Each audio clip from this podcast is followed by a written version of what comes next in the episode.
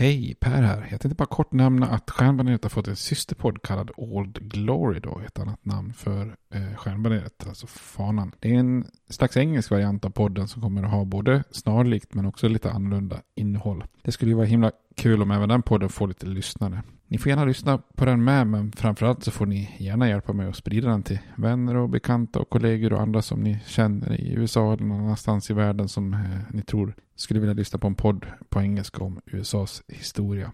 Tack, det var bara det jag ville säga. Nu kommer avsnittet. Hej då! Tired of ads barging into your favorite news podcasts? Good news. Ad-free listening is available on Amazon Music for all the music plus top podcasts included with your Prime membership. Stay up to date on everything newsworthy by downloading the Amazon Music app for free or go to amazon.com slash news ad free. That's amazon.com slash news ad free to catch up on the latest episodes without the ads. Where's that dust coming from? Still finding debris after vacuuming? Eufy X10 Pro Omni Robot Vacuum has 8,000 PA of powerful suction to remove debris deep in carpets. And it's totally hands free. Want to know more? Go to eufy.com. That's EUFY.com and discover X10 Pro Omni, the best in class all in one robot vacuum for only $799.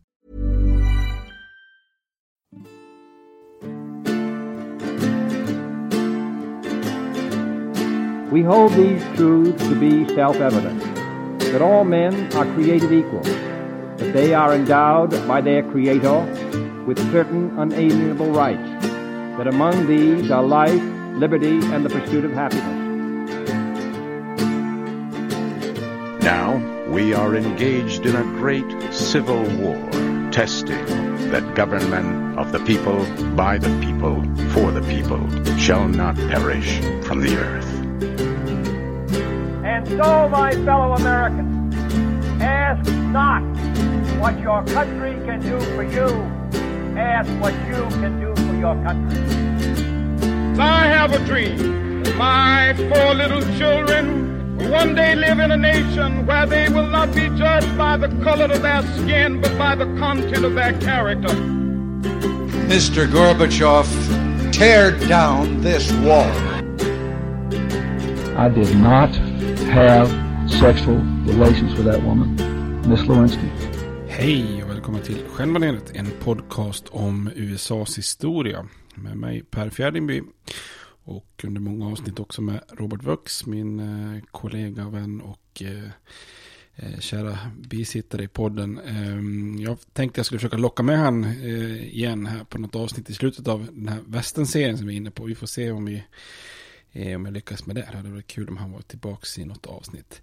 Eh, vi fortsätter vår serie om eh, den amerikanska västern här och eh, vi har kommit fram till del fyra här. Senaste avsnittet så pratade vi om pälsjägare och pionjärer och lite internationell maktkamp. Eh, vi pratade om massa legendariska sådana här pälsjägare som drog runt i mindre grupper eller till och med ensamma.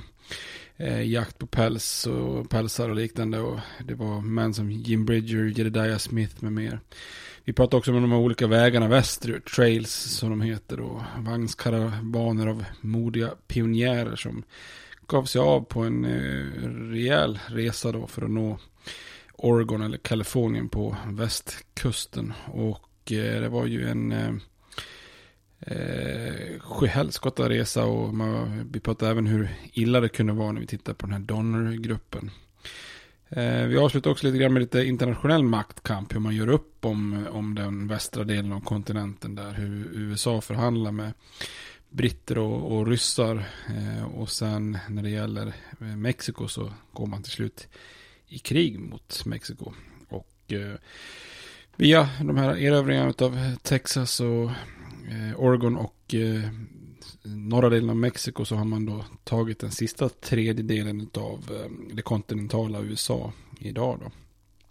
Eh, och då har vi väl egentligen lite grann i tre avsnitt täckt eh, perioden liksom fram till den kanske lite mer klassiska eh, västen som, som ibland också kallas för Far West och, och Last Frontier eh, sista gränslandet. Och eh, det är nu det börjar gå väldigt fort här på slutet av eh, mitten och slutet av 1800-talet. Och eh, nu när vi kommer fram till den klassiska västen så tänkte jag att vi skulle börja med att titta på det här med guldgrävare och gruvbolag. Som eh, några av de som börjar leva ett eh, riktigt klassiskt eh, västernliv. Och lite grann först ut på banan om man säger i, i olika städer och sådär. Men innan vi går in på det då, så först eh, öltips. I förra avsnittet sa jag att ni skulle försöka få tag på något som heter California Common eller Steam Beer.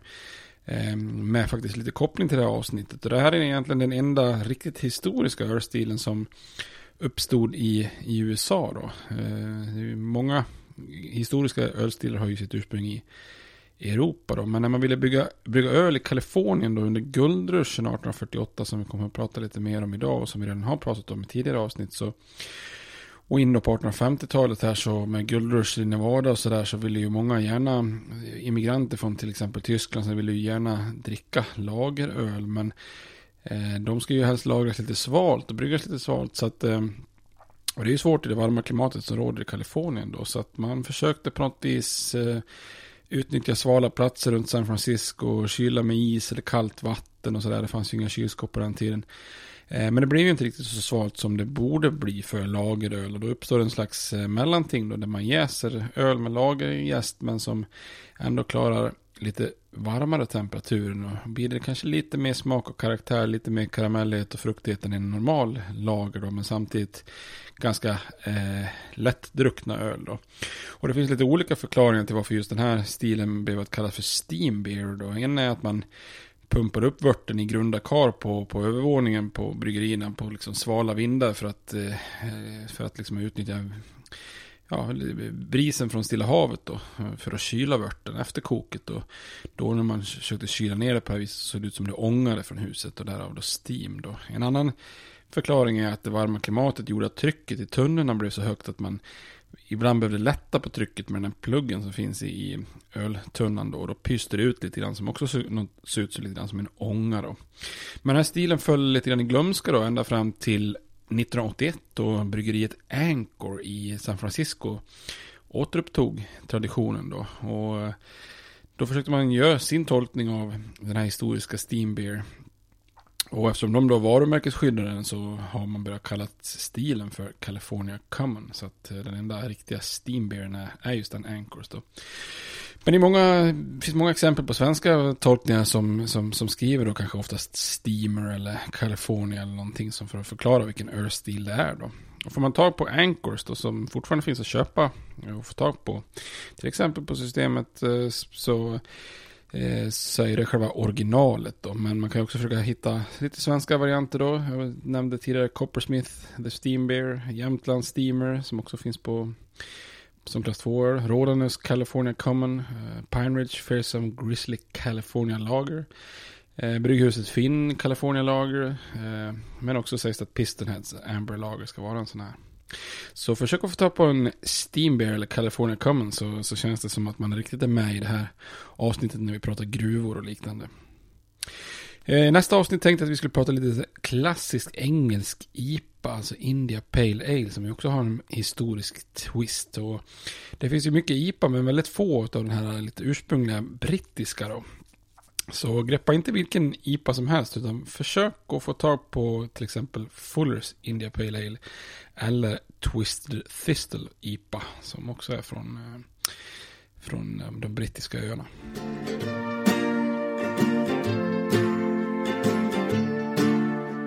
Men då går vi in på tillbaks till västen då. Ehm, och nu är vi ju så att säga inne på den klassiska västen. Ehm, Alltså den västen som vi kanske främst är vana att se som väster.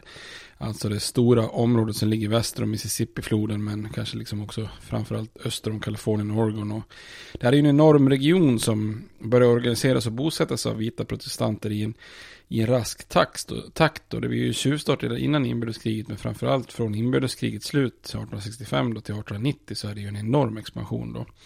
Och det är nu vi kommer in på allt det här klassiska vagnskaravaner som vi redan varit inne på. Transkontinentala järnvägar, vägar, Eh, laglösa gruvstäder, guldgrävare, ponnyexpress, nybyggare, rancher, cowboys, kavalleriet och, och indiankrig. Och vi kommer att se det här, det här är en process där, där USA än en gång börjar breda ut sig över kontinenten. Eh, nu snabbare än någonsin. Det här leder ju till en grym process som fullständigt ignorerar andra kulturer och sätter den här vita protestantiska engelsktalande idealet i fokus kan man säga. Så väldigt bryskt så krossar man ju ursprungsamerikanska stammar och, och deras kultur och man ignorerar den här forna mexikanska delen av befolkningen och man är ganska hårda och utnyttjar kinesiska eh, immigranter då. Och det är en väldigt snabb eh, process där verkligen miljoner flyttar västerut under ett antal år då. Eh, nya stater organiseras i, i rask takt då, som Colorado, Washington, Montana, North och South Dakota, Idaho, Wyoming, Utah. Och vid sekelskiftet 1900 så är det egentligen bara Arizona, New Mexico och Oklahoma som fortfarande är ter territorier och inte delstater ändå. Men det blir de eh, hyfsat tidigt på 1900-talet sen då.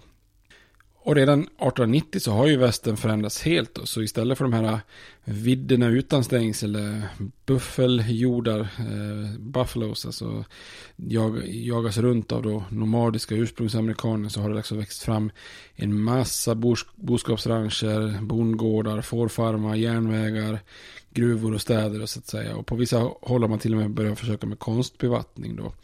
Och den här utvecklingen eh, hyllades ju av amerikaner i stort. Då, men det finns ju också stora R som är skapade i form av en massa övergivna, övergivna gruvor, övergivna städer, så, här så kallade ghost towns, eh, övergivna farmar där man har misslyckats, eh, enorma skeletthögar från skjutna buffalojordar, trånga indianreservat och massa annat sånt här som visar liksom västens ska man säga, baksidor då, eller ärr eller, eller tragiska följd då. Eh, dessutom finns det ju ett västern i människors sinnesbild, alltså en, en myt om cowboys och ideal och snabba rikedomar som också späs på enormt av då noveller och olika typer av västernshower som vi kommer att komma in på. Och det finns ju ett problem att prata om västern, alltså vad är egentligen västern? Det är ju inte det är ju en enorm geografisk yta. Eh, alltså väster om Mississippifloden så finns ju de här Great Plains, då, de här stora slätterna. Men det finns ju också Klippiga bergen och det höglandet som, som kommer efter Klippiga bergen och Sierra Nevada-bergen. Det är en extremt stor geografisk variation. Det är ju inte bara prärieslätter utan det är ju allt från öken till grässlätter till skogar till berg då. Dessutom är det ett extremt multikulturellt och multietniskt område på ett helt annat sätt nästan än den östra delen av USA. Då.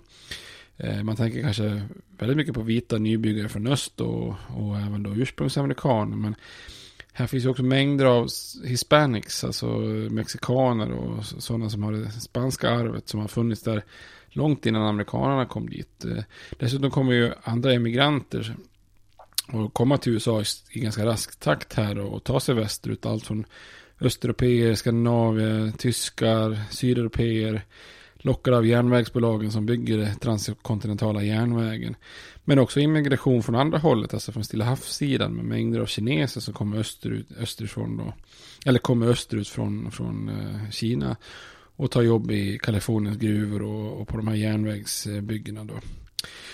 Så ska man vara helt ärlig så är det på många sätt en väldigt felaktig bild att måla upp att det enbart handlar om en slags flyttström västerut. Man kan säga att västern befolkas från många olika riktningar. Att eh, folk flyttar lite kors och tvärs. Och visst kommer många från öst och ger sig av västerut. Men många mexikaner har ju flyttat till den amerikanska västern från, från södern och har ju bott där länge. Och, och som vi ser kommer en del flyttströmmar eh, av kineser som korsat havet och så vidare. Så att Eh, och så har vi naturligtvis eh, ursprungsbefolkningen som har funnits där i, i många herrans år. Men det är också en, just en sån här situation där många stammar också har flyttats eller tvingats flyttas västerut. Så det är ju också vissa som är, har bott där länge och vissa som är en, en ny, eh, nykomlingar till, till regionen då.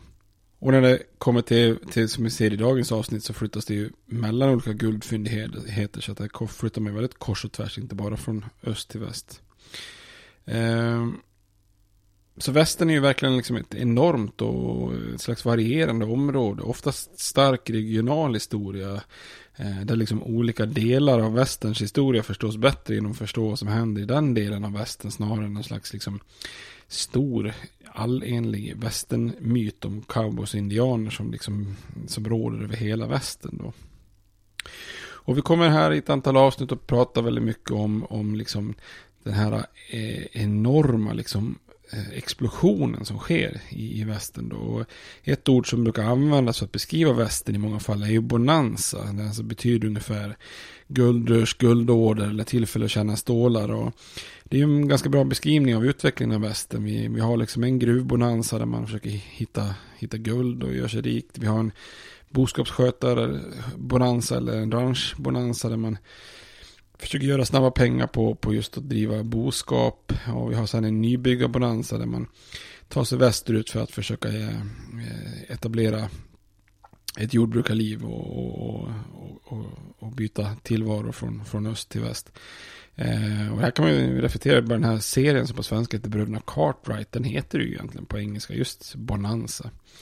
Eh, och konsekvensen av alla de här bonanzas i, i västern är ju att västern utvecklas otroligt kaotiskt och ojämnt och, och, och ryckigt. Eh, det är många som man inom ekonomin brukar kalla för boom and bust företeelser. Alltså ett enormt slöseri med resurser där samhällen skapas och formas oerhört fort och sen kanske helt plötsligt också avvecklas lika fort. Och folk som flyttar kors och tvärs utifrån vart man bygger järnvägar och vart man hittar mineraler. Och vissa städer utvecklas ju i, i liksom en fantastiskt rasande takt. Alltså de kallas ibland för instant cities. Alltså de kommer så, så snabbt från ingenstans till att bli en, en större viktig stad. Och man kan prata om San Francisco, Salt Lake City, Denver i Colorado.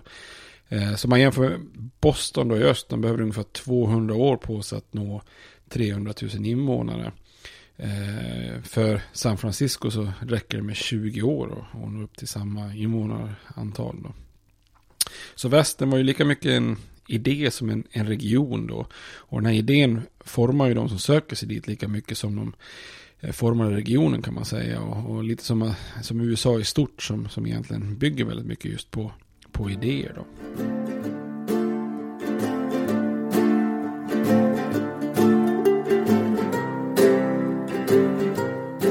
Men om vi börjar lite grann med då gruvbonanza. Gruvor är ju faktiskt det som först och främst formar västern och attraherar folk till regionen då efter enstaka flyttströmmar och pälsjägare.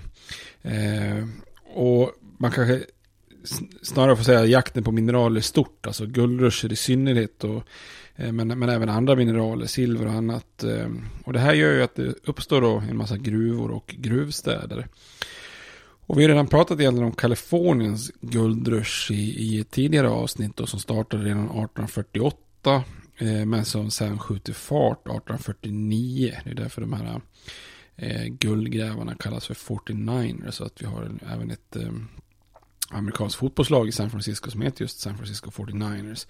Eh, och den sätter ju standarden för guldruscher på, på, eh, på många sätt och brukar beskrivas som att där, där sätter man mönstren som, som de andra ruscherna sen följer. Det är ju, ja, om man ska vara historiskt petig så är det väl egentligen lite missvisande för att det finns ju en rejäl guldrush faktiskt i Georgia redan 1829 som faktiskt uppvisar många av de här typiska dragen för, för guldrusher också där män svärmar in väldigt snabbt och snabbt uppkomna laglösa städer och ursprungsstammar som pressar bort, pressas bort och i det här fallet 1829 var det Cherokee-stammen då och sen större företag som kommer in och tar över så man kan säga egentligen så är väl guldrushen i Georgia den som sätter standarden eh, som Kalifornien sen följer Eh, men man kanske framförallt pratar om, om Kalifornien som, som standarden eftersom den ligger i västern. Då.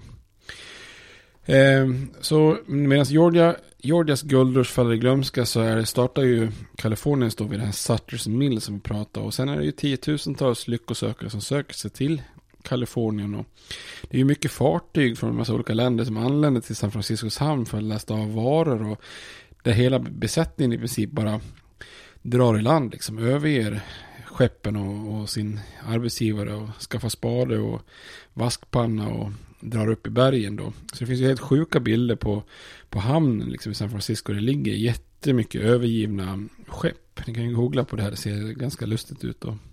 Och i en första våg så kommer ju alla som, som letar efter snabbt. Eh, jag säger det är ju så snabbt, alltså man hittar, försöker hitta det liksom ytliga guldet. Eh, där du inte behöver något mycket mer än en spade och en vaskpanna för att liksom få fram guldet då. Och så fort ryktet går så dyker ju upp väldigt många sådana klassiska guldvaskare då med hoppet om att, att bli rik snabbt. Eh, strike rich som man säger. Och de här klassiska guldgrävarna de använder ju inte egentligen mycket mer än en spade och vaskpanna och man silar då bort sand och dy i pannan så att de tyngre små guldbitarna stannar kvar. Det kan man ju faktiskt göra på High Chaparral. Det var jag med mina barn i somras och då fick de vaska lite guld där.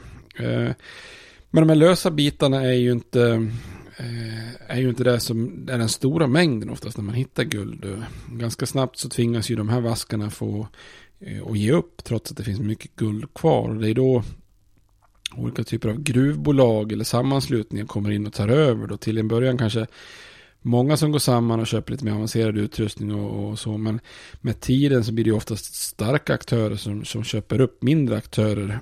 Och, och vips blir ju då liksom själva gruvindustrin och guldletandet, guldletandet en, en stor avancerad bransch som är långt bort ifrån den här en, enskilde guldvaskarindividen med, med vaskpanna då.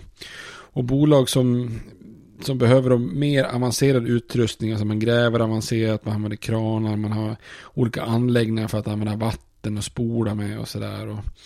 Det sker ju en, en oerhört snabb konsolidering. Alltså extremt få blir ju omedelbart rika. Utan det är ju oftast många, eh, många mindre bolag som snabbt konkurrerar ut de individuella guldsökarna och som sen får dra vidare då eller också ta anställning i gruvbolagen. Och så köps de mindre bolagen upp. Alltså det är klassisk amerikansk kapitalism kan man säga då.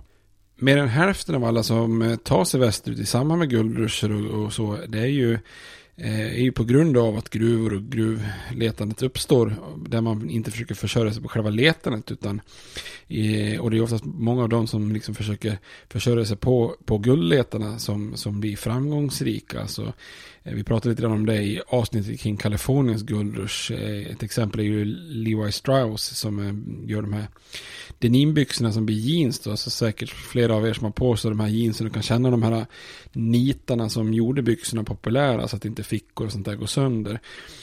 Och det är ju oftast de som kommer för att liksom försörja gruvarbetarna och gruvföretagen. Det är oftast de som egentligen kanske blir, oftast blir mer framgångsrika när det gäller Eh, Eh, vanliga amerikaner för att, på att försörja sig på guldruschen. Då. Eh, och den här guldruschen förändrar ju Kalifornien väldigt snabbt i grunden. Alltså det går ju expressfart. Från att eh, vara en slags spansk-mexikanskt glest befolkad, självhushållande jordbrukssamhälle till en form av amerikanskt eh, resursutnyttjande tillväxtregion. Det går ju otroligt fort då. Eh, och från Sutters Ford då, där man hittar ursprungligen så sprider sig gruvnäringen eh, ut över Sierra Nevada-bergen då. Så den här lilla Mexika, eller mexikanska sömniga hålan Yerba Buena då med kanske runt 800 invånare på bara 18 månader växer upp till en stad på 20 000 då och byter namn till San Francisco. Eh, och där har man ju då en hamn med, med väldigt stor eh, kommers då. Så man hittar guld 1848 och redan 1850 så är man en delstat i unionen. Så det här går det ju rasande tempo här då. Men gruvbonanzan dyker ju upp på fler ställen i västern då. Eh, 1859 börjar ju många då som har gett upp Kalifornien eh, börjar man ju gräva efter guldfyndigheter i den östra delen av Sierra Nevada-bergen. Eh, och då blir det dags för lite guldrush i Nevada och Colorado. Eh, 1859 görs nya fyndigheter vid Pikes Peak i eh, eh, Colorado. Då, det här närheten av det här berget som varit uppkallad efter han eh, Pike som vi pratade om, han som gjorde en expedition i området då. Eh, så då ganska snabbt så drar ju mängder med folk då till Pikes Peak. Eh, på bara kort period så, så, finns det 20 000 personer på plats då. De här brukar kallas för The Pike Peakers. Eh, så där har vi nästa guldrush. Och sen kommer vi in i Vada då där man gör, eh, där några guldgrävare gör fynd i ett distrikt som sen kommer att kallas för Comstock Load. Eh, efter en av de första som letade mineraler där, Henry Comstock.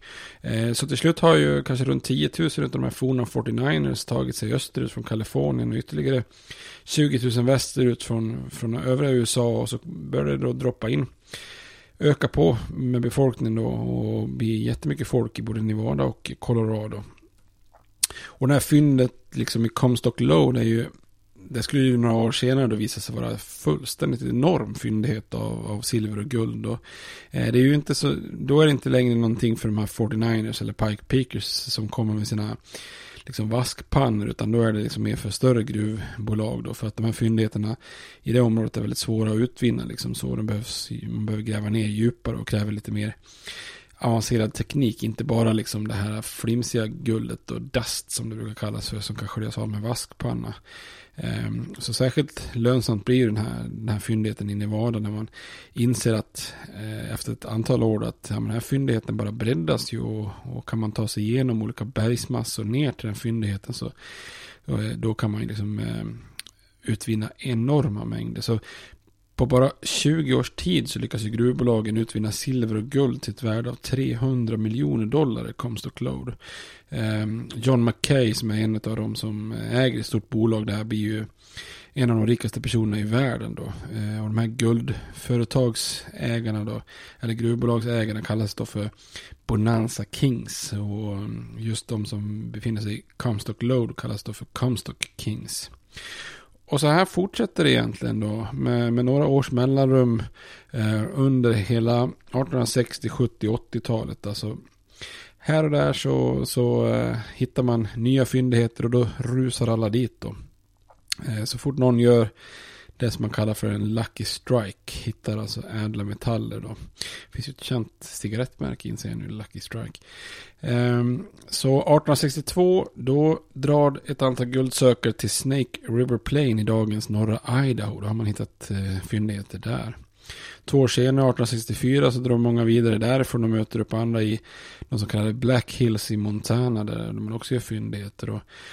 1877 görs nya fyndigheter i Colorado på ett annat ställe än Pikes Peak då. Eh, och samtidigt eh, som fyndigheter upptäcks i, i dagens Arizona. Eh, och slutligen 1883 så upptäcks en ny region i Idaho. Och ganska snabbt så har liksom, varje gång man upptäcker så har en 20-30 000 pers dykt upp väldigt snabbt av alla de här fyndigheterna då. Eh, ibland uppskattar man liksom att det kanske finns så många som 100 000 på vissa platser som bara liksom försöker vaska och få fram det första ytliga guldet. Då. Och alla de här platserna förändras ju i grunden eftersom oftast då gruvbolag och andra kommer in och, och, och tar över då efter de här första, första lucky strikesen som görs då. Och den här mängden av guld och silver som grävs fram i de här områdena är ju, är ju liksom mer än vad som har tidigare grävts fram någonsin i hela världen. Alltså bara åren 1848 till 1851 så 20 dubblades antalet guldmynt i, i cirkulation då. Eh, men det finns ju också en baksida. Det är ju väldigt många av de här guldruscherna som leder till konflikter med ursprungsamerikanerna.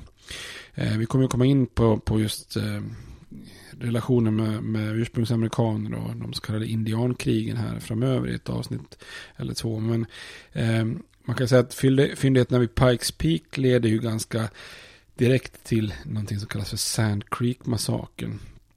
Eh, fyndigheterna i Black Hills eh, som egentligen då är ett heligt område för den krigiska Sioux-stammen, leder ju i princip nästan på en röd linje fram till slaget vid Little Big Horn då, och dess efterföljare Wounded Knee.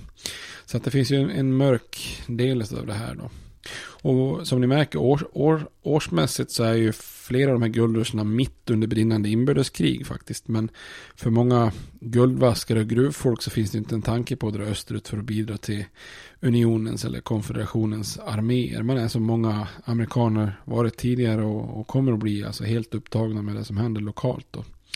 Så man kan väl säga så här när man har en potentiell förmögenhet som ligger framför fötterna då blir övriga världen rätt ointressant. Då.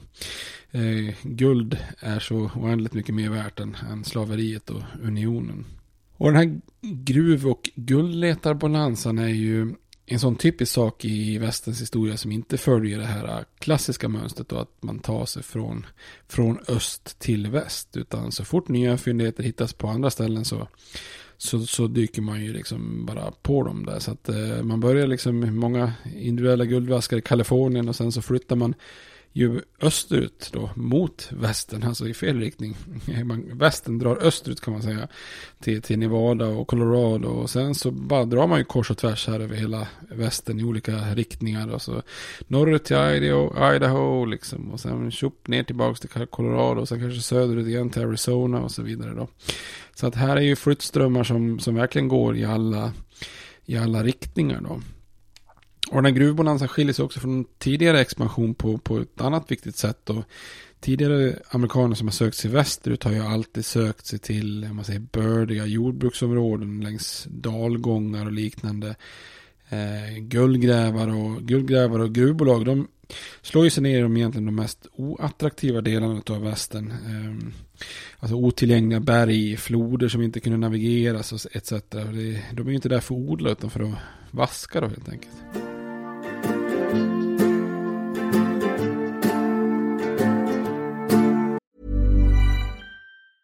Tired of ads barging into your favorite news podcasts?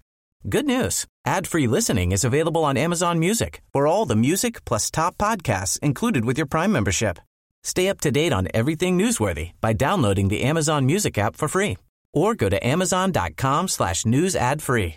That's amazon.com slash news ad free to catch up on the latest episodes without the ads.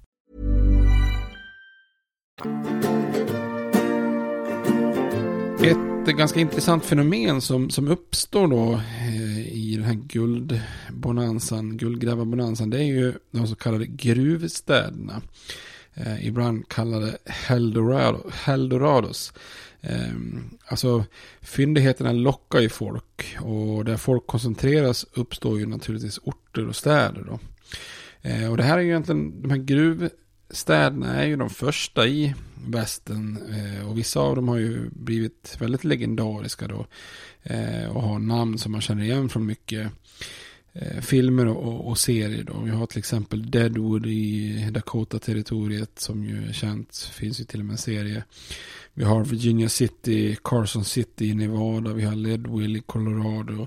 Vi har Tombstone i Arizona.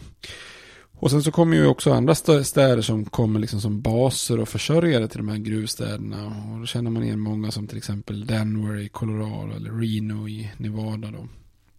Eh, och oftast finns det någon tydlig koppling till västern. Så Carson City till exempel, den är ju uppkallad efter Christopher eh, Carson som är mer känd som Kit Carson då, som var guide på, på John Fremonts expeditioner och före detta pälsjägare då.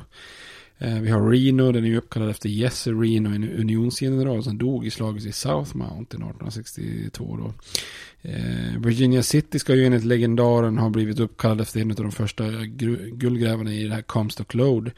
Eh, han kallades för Old Virginia efter sin hemstat Virginia. Och han var lite onykter och snubblade, och hade sönder sin whiskyflaska på fyllan och passade då på att, att uppkalla staden eh, eh, för att han inte ville att, eh, eh att, att han skulle förgäves ha spilt whisky sägs det. Det är ju en riktig skröna men vet man ingenting om.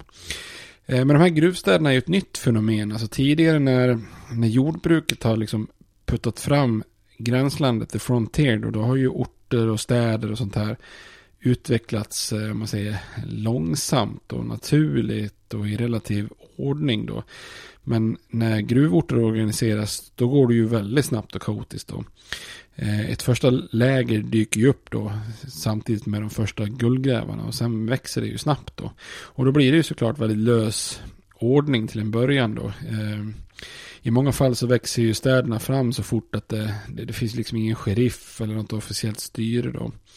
Eh, I bästa fall på sikt så finns det lite milistrupper eller annars kanske det är något gruvbolag som får stå för mycket av ordningen då. Och själva liksom, ordningsskapandet i, i, på de sådana här ställen brukar ju ske då i, i vissa ganska givna steg. Då, då. De första guldvaskarna på plats, de har ju inte behov av någon liksom, social ordning överhuvudtaget i princip. De sköter sitt liksom. Men efter att de första rejäla upptäck upptäckterna gjort och de här första Lucky Strikes så då började det ju väldigt snabbt emellan en ny nykomlingar till området. Och då behöver man ju någon form av styre för att det inte ska bli helt kaotiskt och liksom för att skydda de ursprungliga inmutningarna. Eh, och guldgrävarna i ett distrikt brukar ju ofta anta sina egna regler och efterleva dem. Och det är oftast där några ledande män som tar initiativ och så träffas männen då på lägrets eh, huvudgata och ser till att stifta de viktigaste reglerna. Då. Och det, de viktigaste reglerna är naturligtvis hur, hur stort område som man kan inmuta då, claim som det heter på engelska. Eh, hur, hur man kan inmuta sitt område då. Eh, alltså hur man, hur man märker upp sin, sin claim då. Eh, men också hur dispyter kring inmutningar och andra brott skulle regleras då. då.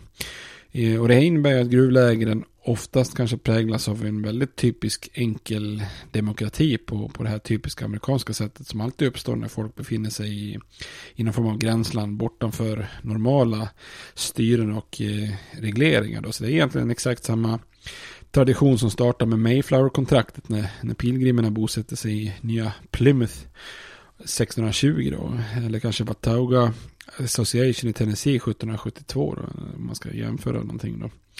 Nu inser jag kanske precis här att det har vi nog inte pratat om tidigare så jag får säga sorry för den då. Eh, men det kanske vi får ta någon gång. Man, är man nyfiken får man googla då. Det är egentligen nybyggare i det som kommer att bli Tennessee som försöker skapa ett eget styre bortanför britterna kan man säga. Redan innan USAs föds då. Ja, lite förenklat. Eh, i de här snabbt växande städerna så fanns ju förstås eh, allt tänkbart som man förknippar med, med västern. Då. Leriga gator, saloner, hotell, prostituerade, dans, laglösa etc. Eh, och naturligtvis fanns det redan vid den här tiden i västern en del lite mer laglösa typer då, som ja, brukar kalla dem för desperados. Som gärna dyker upp på ställen där lag och ordning fattas då. Men det här tillhör ju också lite grann av myten med västern. Man ska inte överdriva den här laglösheten. För den laglösa fasen var oftast otroligt kort rent tidsmässigt. Eh, de städer som överlever den här första boomen får ju väldigt snabbt normala statsinstitutioner som tidningar, affärer, skolor, kyrkor, bibliotek, teatrar och liknande. Och den här urbaniseringen skapar också ett behov av ett mer organiserat stadsstyre och sanitet och polisverksamhet och sånt där. Då. Eh, man brukar ju ibland framhålla Deadwood i South, Dakota som, Eh, som kanske den mest laglösa typiska västernstaden. Men även där är det ganska mycket överdrivet. Eh, under sin värsta period så, så kan man exempelvis nämna att eh, ett år dödades bara fyra personer då. Varav en är den här kända Wild Bill Hickok till exempel. Men flera av de här gruvstäderna som är idag förknippar med lite mer vilda västern som Deadwood och Tombstone och Leadville de fick ju oftast egentligen ett dåligt rykte först långt senare när järnvägen kommer till de här städerna och reportrar från öst dök upp och skrev reportage som var kraftigt kryddade för att liksom få eh, locka läsare. Det var kul att skriva då, liksom dramatiska saker då, och sådär. Så att eh, ja, man kan väl säga så här, fake news är inte, inte direkt en, eh, en, en ny uppfinning. och ofta behöver inte när man tittar på det här så behöver det inte vara speciellt många brott eller liknande för att eh, det behöver inte dyka upp så många desperados innan mer normala ordningsamma majoriteter organiserar sig och skapar samma typ av lag och ordning som fanns i städerna man kom ifrån i öst. Då. Eh, så det är egentligen bara de här riktigt tidiga faserna och sammanslutningarna och direkt demokrati, alltså korta förstadiet till, till normal ordning då. Det är ju en extrem kan man säga obalans i västern och det kanske är värst egentligen i de här gruvstäderna och under de här guldvaskardagarna då. Det är ju betydligt fler män än vad det är kvinnor då. Eh, det är ju inte ovanligt med platser där det kanske finns 20 000 män på plats och men kanske bara runt 400 kvinnor då. Eh, och naturligtvis av den lilla andelen kvinnor som, som finns på de här ställena så är dessutom då en, en ganska anmärkningsvärd andel också prostituerade som har dragits eh, kanske dit mot sin vilja. Då. Eh, många män som eh, drar ju iväg från sina familjer för att söka lyckan då och lämnar familjerna kvar någon annanstans. Man tar inte gärna med sig fru och barn till sådana här hemska platser då, som man tänker. Eh, så de här guldruscherna skapar ju mycket, många så kallade gold rush widows. Alltså, eh, man, man blir kvar hemma som kvinna och med familj då. Eh, men det finns också många exempel på kvinnor som följer med sina män och får, får då härda ut i, i fält och i de här o, o, eländiga terrängerna och så vidare. Och då är det ju också många kvinnor som finner alternativa sätt att försörja sig då, alltså inte, ja, inte, inte bara prostituerade utan eh, man hittar olika typer av serviceinrättningar då. Eh, en av de här är Luciana Wilson som har följt med sin man till eh, Nevada City, Kalifornien. Ehm, hon, berättar i en historia att eh, hon bakade bröd en dag och då kommer det fram en man med ganska desperat blick och erbjuder, erbjuder fem dollar för brödet. Och då tvekar hon ju för det är ju ofantligt mycket pengar enligt honom då. Eller enligt henne för, för ett bröd. Men innan hon hinner säga något så höjer han till och säger att du får 10 dollar för det här brödet. Och mer eller mindre tvingar henne att och, och, och ge, han, ge honom eh, brödet genom att lägga myntet i hennes hand. Då. Och det här blir ju chockande för henne för det här är ju en hel förmögenhet enligt henne själv då. Så att då börjar hon inse att vad 17 är männen så här desperata efter lite hembakat bröd. Så, så senare på dagen så ber hon, sig, ber hon sig iväg till en affär och köper lite råvaror och sätter upp ett första bord och börjar sälja mat. Och så att när hennes man kommer hem efter att ha vaskat guld så sitter det typ ett tjugotal män och äter middag hos henne då. Eh, och med tiden så bygger hon ju då ut detta till en, till en regelrätt restaurang och, och utökar också på det hela till ett, till ett helt hotell då som, som hon döper till Eldorado. Det var ju smart. Eh, och hon skulle ju med tiden tjäna oändligt mycket mer pengar på den här verksamheten än vad hennes man gör då på, på guldvaskande. Eftersom där är ju sannolikheten ganska liten att man blir, att man blir riktigt rik och framgångsrik. Då. Så det är ju också ett bra exempel på att eh, det ofta är de som försörjer guldvaskarna som gör sig pengar, inte själva guldvaskarna i sig. Då. Och det är många kvinnor som blir framgångsrika i västern genom att just driva hotell, restaurang och liknande. Eh, och ibland brukar man också lyfta fram i vissa skrivelser framgångsrika prostituerade som det heter. Men ja, det, det blir ju lätt missvisande eftersom typ 99 av 100 prostituerade lever i, naturligtvis i en ganska hemsk misär. Då. Eh, oavsett så vinner faktiskt kan man säga kvinnor i den här tuffa västern någon slags lite mer jämlikhetsrespekt eh, om man jämför med många eh, kvinnor i, i öst. Då, för att det är många av de här delstaterna i väst som är så det är naturligt att först ge kvinnor rösträtt. Då. Så mellan åren 1869 och 1896 så får kvinnor rösträtt faktiskt i Wyoming, Utah, Colorado och Idaho. Och det här är ju långt före sina systrar i, i öst faktiskt. Så att eh, eh där görs det framsteg för kvinnorna också. På 1890-talet så var den här stora gruvbonanzan över i form av guldruscher och snabba vinster. Och sammantaget så hade ju gruvorna i, i väst bidragit till miljarder dollar för den amerikanska ekonomin. Då. Både inbördeskriget och industrialiseringen kan man säga finansierades av, av de här ädla metallerna. Och den här enorma silverfyndigheten som man sedan upptäcker då i Comstock Low. Det är framförallt silver, men det var mycket guld där också.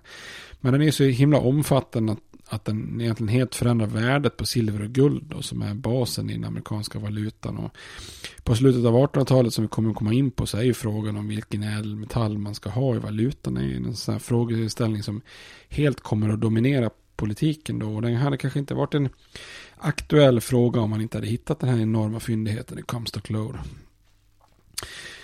Eh, och innan gruvbonanzan så hade ju de flesta som flyttat västerut egentligen bara korsat västen till Kalifornien och Oregon. Då. Eh, uppkomsten av gruvor och gruvstäder lite här och där i västen gjorde, gjorde ju väldigt mycket för att påskynda den här politiska organiseringen av västen Då. Eh, Colorado organiseras ju efter den här Pike Peak-bonanzan eh, eh, som ett eget territorium. Och, det fanns egentligen inget naturligt för Colorado låg som, som mitt emellan olika territorier. Så man bildade ett nytt territorium från delar av egentligen då västra Kansas och östra Utah och delar av Nebraska och New Mexicos territorier 1860 och skapade ett, ett nytt territorium, Colorado. Eh, Nevada organiserades som ett eget territorium skilt från Utah då 1861. Eh, Montana skärs ut från det stora Dakota-territoriet 1864. Arizona får ett eget territoriellt styre från New Mexico 1863 när man hittar guld där. Så att guldruscherna är ju också det som gör att man kapar upp västern i lite mindre territoriella styren då istället för enorma områden. Sen går det också fort för vissa från territoriellt stadium till att då sen upptas i unionen, som, alltså den federala unionen, som en regelrätt delstat. Då. Eh, Nevada eh, tas upp i unionen redan eh, 1864. Eh, kallas ibland för the child of Comstock Load. Eh, Colorado 1876, Montana, Idaho och en massa andra delstater i västern under åren 1889 och 90. Och Colorado, Colorado och Nevada är ju intressanta exempel på, på, på delstater som verkligen har sin, sin grund i de här guldruscherna. Då. Eh, och när Colorado, när man lobbar för att bli ett territorium så, så, eh, så, så eh, har man faktiskt som ett eh, arbetsnamn Territory of Jefferson. Så man eh, försöker så här lite lite lömst äh, rida på vågen av en founding fathers äh, namn då, Thomas Jefferson för att liksom nå framgång här. Det är väl lite grann som vi pratade om i, i avsnitt eh, äh, 27 här om staten, staten Franklin som aldrig blev av eh, efter, uppkallad efter Benjamin Franklin. Lite samma princip att man tänker att det kanske vore coolt om man faktiskt använder en av de kändaste amerikanerna som, som namn på, på staten där. Colorado är ju som ju då blivit territorium eh, tidigt där. Eh, försöker bli delstat, men Andrew Johnson lägger faktiskt eh, sitt veto. Då. Han var ju pigg på det med veton, pratar vi i något avsnitt. Då. Så att Colorado får vänta till 1876 för att bli delstat. Och då är ju området väldigt eh, redo. Eh, för Nevada gick det ju lite snabbare då. Ehm, kongressen skapade Nevada Territory redan i mars 1861. och, och eh, som, som kurios, kuriosa kan man faktiskt nämna att Nevada-territoriets första guvernör anlitade Orrin Clemens till sekreterare och den här Clemens tog med sig sin yngre bror Samuel Clemens till Nevada. Och då tänker ni kanske, vem, vem, vem är det då? Men Samuel Clemens är kanske mer känd som sitt, under sitt författarnamn Mark Twain. Eh, och det är ju han som skrev, han mest känd för såklart för Tom Sawyer och Huckleberry Finn då, men efter sin period i västern så skrev han faktiskt en annan känd bok som heter Roughing It som blev en klassiker om, om just livet i västern. Eh, och Nevada är ju lite speciellt eh, eftersom man då ansöker om att bli en delstat in, innan man ens har 20 000 invånare. Och normalt så brukar ju kongressen då avböja en sån förfrågan för att man sätter en läg, lägsta gräns på 60 000 invånare innan man kan upptas som en delstat. Då. Men den här ansökan kom ju in mitt under inbördeskriget när presidentvalet 1864 började närma sig. Och Lincoln ser ju ut att få det lite svårt att bli omvald så att republikanerna är därför lite snälla kan man säga.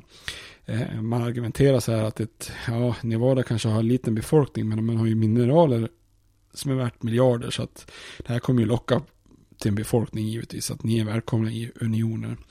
Så i oktober 1864 så antas Nevada som den 36 delstaten och åtta dagar senare belönas republikanerna genom att eh, deras elektorsröster går till just Lincoln. Så att eh, det ser man att det var effektivt politiskt spel.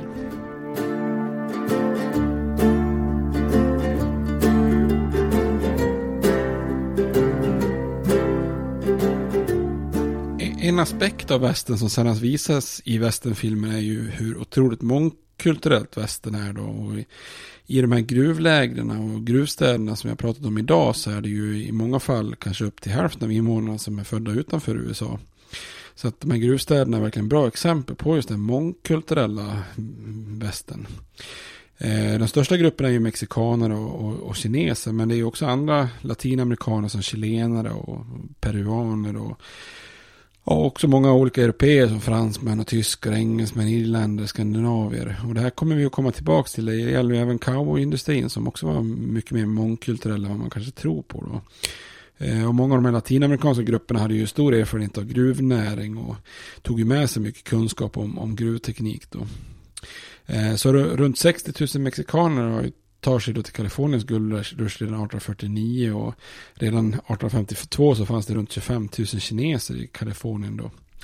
Så man kan väl säga sen som på något slags eh, snitt på 1860-talet så var ungefär en tredjedel av alla gruvarbetare kineser.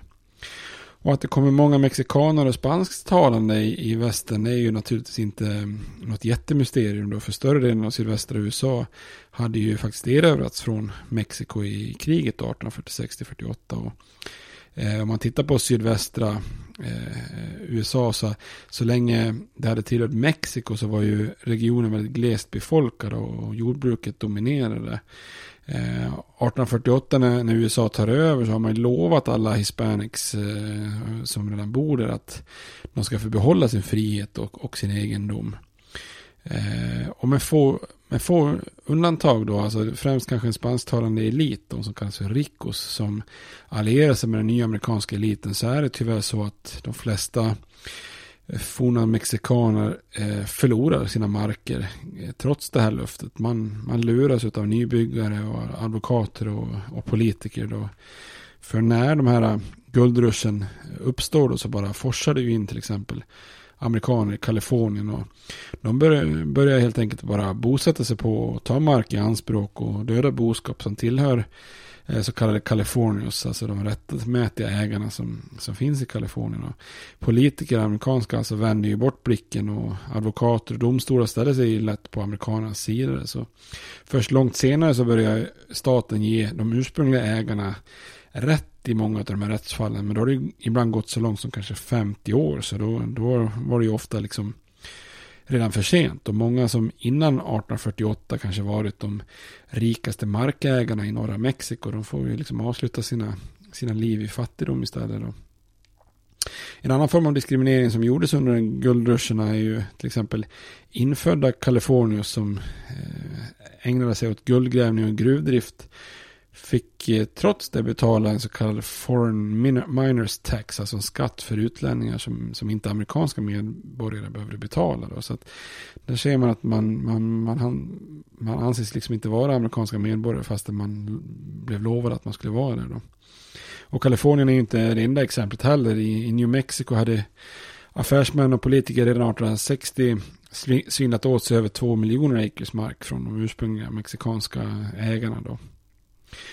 Och de här enorma vågorna av nybyggare som tar sig västerut efter inbördeskriget var ju en väldig utmaning för den här tidigare livsstilen bland spansktalande i sydväst. Då. Eh, järnvägar och nya sådana här boomstäder eh, skapar ju ett nytt nätverk som liksom förstör tidigare handelsvägar och handelsplatser som liksom varit basen i flera hundra år här i sydvästra USA.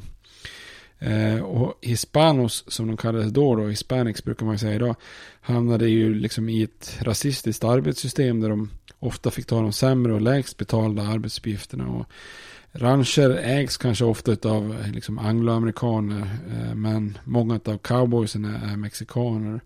I gruvorna i New Mexico så, så kanske angloamerikaner kör maskinerna medan hispanics får, får göra de tunga och farliga arbetsuppgifterna. Och, och även om man utför exakt samma arbete så fick de eh, mexikanska, eh, forna mexikanska hispanics sämre betalt. Då. Eh, på vissa ställen så stred man för sina rättigheter till och med. Och, när får och ullmarknaden i, i New Mexico till exempel går, går dåligt så är det ju en del upprörda hispanics som 1889 bildar en liten Eh, organisation som heter Las Gorras Blancas, eh, de vita kepsarna. Eh, som drar runt lite så här förstör staket och bränner lite höbalar, kanske som värst en lada då så att säga. Men de är ju sällan våldsamma mot personer, så det går ju liksom inte att jämföra med till exempel Ku Klux Klan. Men man kan ändå jämföra med Södern. Alltså, det är en grupp som förtrycks och vars rättigheter inte jämställs med vita protestantiska angloamerikaner. Så att man, hispanics behandlas ganska från start precis som i princip afroamerikaner gör i södern då. Så att man ser här att för beroende på vem man är i USA så är det ju verkligen så att all men are not created equal. Um, och den spansktalande delen av befolkningen minskar ju snabbt i västern. Om man jämför 1845 bodde det till exempel 7000 angloamerikaner i Kalifornien. Eh, år 1900 så har det här ökat till 1,5 miljoner. Så det är klart att den spansktalande befolkningen blir ju snabbt väldigt liten del av den totala. Då. Och det betyder också naturligtvis att deras politiska inflytande minimeras då. Eh, men man kan ändå säga att det liksom spansk-mexikanska arvet i sydvästra USA är stort på sina håll och formar samhället på många sätt och det stack också ut lite jämfört med den angloamerikanska kulturen. Latinokvinnor hade betydligt starkare ekonomisk ställning än amerikanska kvinnor och den katolska kyrkan och det spanska språket och många andra viktiga institutioner med starka liksom, kulturella band lever ju fortfarande kvar då. Eh, spanska namn, till exempel orter och sånt där och sedvanor spreds ju då bland, bland vita amerikaner också då. Eh, som vi kommer att se något avsnitt fram här, hela, hela den här cowboykulturen har ju sitt arv med, med termer och annat från, från just Mexiko då. Eh, och det spanska språket med olika namn och sånt där är ju väldigt, väldigt eh, etablerat redan i, i sydvästra USA då. Och ett exempel på att det spanska språket är väldigt utbrett är ju eh, ni som har sett filmer om Billy the Kid till exempel, den kända eh, desperadon. När han eh, fångas ju av, eh, eller skjuts ju av eh, sheriffen Pat Garrett 1881 i ett eh, mörkt rum då, när han överraskas i, i New Mexico då. Eh. Så, så eh, den här berömda brottslingen Billy the Kid, hans första reaktion är ju att fråga faktiskt Quienes, Quienes, alltså vem är det på spanska? Snarare än who is it på engelska. Så att um, här befinner sig han alltså i New Mexico och där är det spanska språket liksom. Och inte minst lika utbrett så kanske till och med mer. Och här kan man väl se lite grann att historien knyts ihop lite. För ett i, de, i ett av de allra första avsnitten av podden så pratar vi ju om att USA utvecklas från olika håll. Och att det finns arv kvar från andra kolonialmakter än, än just Storbritannien bara då. New Mexico är ju ett eh, bra exempel då. Den här spanska kolonin grundades ju faktiskt redan 1598 då. Och dagens stad Santa Fe grundades ju 1607. Och det innebär ju liksom att Santa Fe som vi nu kommer att prata om lite grann, det är, pratat om, det är ju alltså samtida egentligen då med den engelska kolonin Jamestown 1607. Etablerades samma år. Och det är den första permanenta brittiska kolonin som överlever i dagens USA. Men det är också samtida med franska Quebec 1608 och även om man säger nederländska staden Fort Nassau alltså, som etablerades 1614 som senare då blir staden Albany, eh, huvudstad i delstaten New York. Så att eh, här ser man ju liksom hur det hela knyts ihop. Nu är vi tillbaks liksom där, eh, där vi var från början här. Eh, se hur olika inflytanden, eh, olika kulturer och koloniala arv flyter ihop här borta i den amerikanska västen. Eh, så lyssna gärna tillbaka till det här ifall ni har hoppat in i podden här eh, tidigare. Eh, så, så, så, så, kan ni gå tillbaka och lyssna på det. Men det var lite grann guldgrävare och gruvstäder och, och mexikaner och det mexikanska arvet. Det kan man säga är de första som är ut på, på plats här på västen på allvar och börjar skapa städer och organisation och, och annat så att säga. Eh, I nästa avsnitt så ska vi gå vidare i vår serie om, om västern. Men då ska vi prata lite grann mer om kommunikationer och vägar i västern. Så det blir lite Pony Express och lite transkontinental järnväg och lite liknande grejer. Men vi hörs då. Ha det bra. States like these and their terrorist allies constitute an axis of evil And if the hippies and the yippies and the disruptors of the systems that Washington and Lincoln as presidents brought forth in this country will shut up and work within our free system of government, I will lower my voice.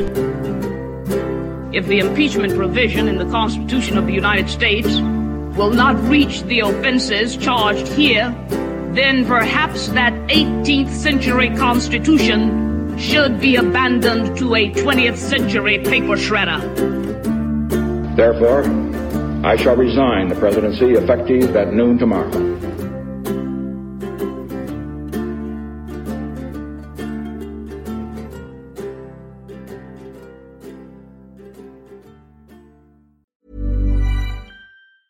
Tired of ads barging into your favorite news podcasts?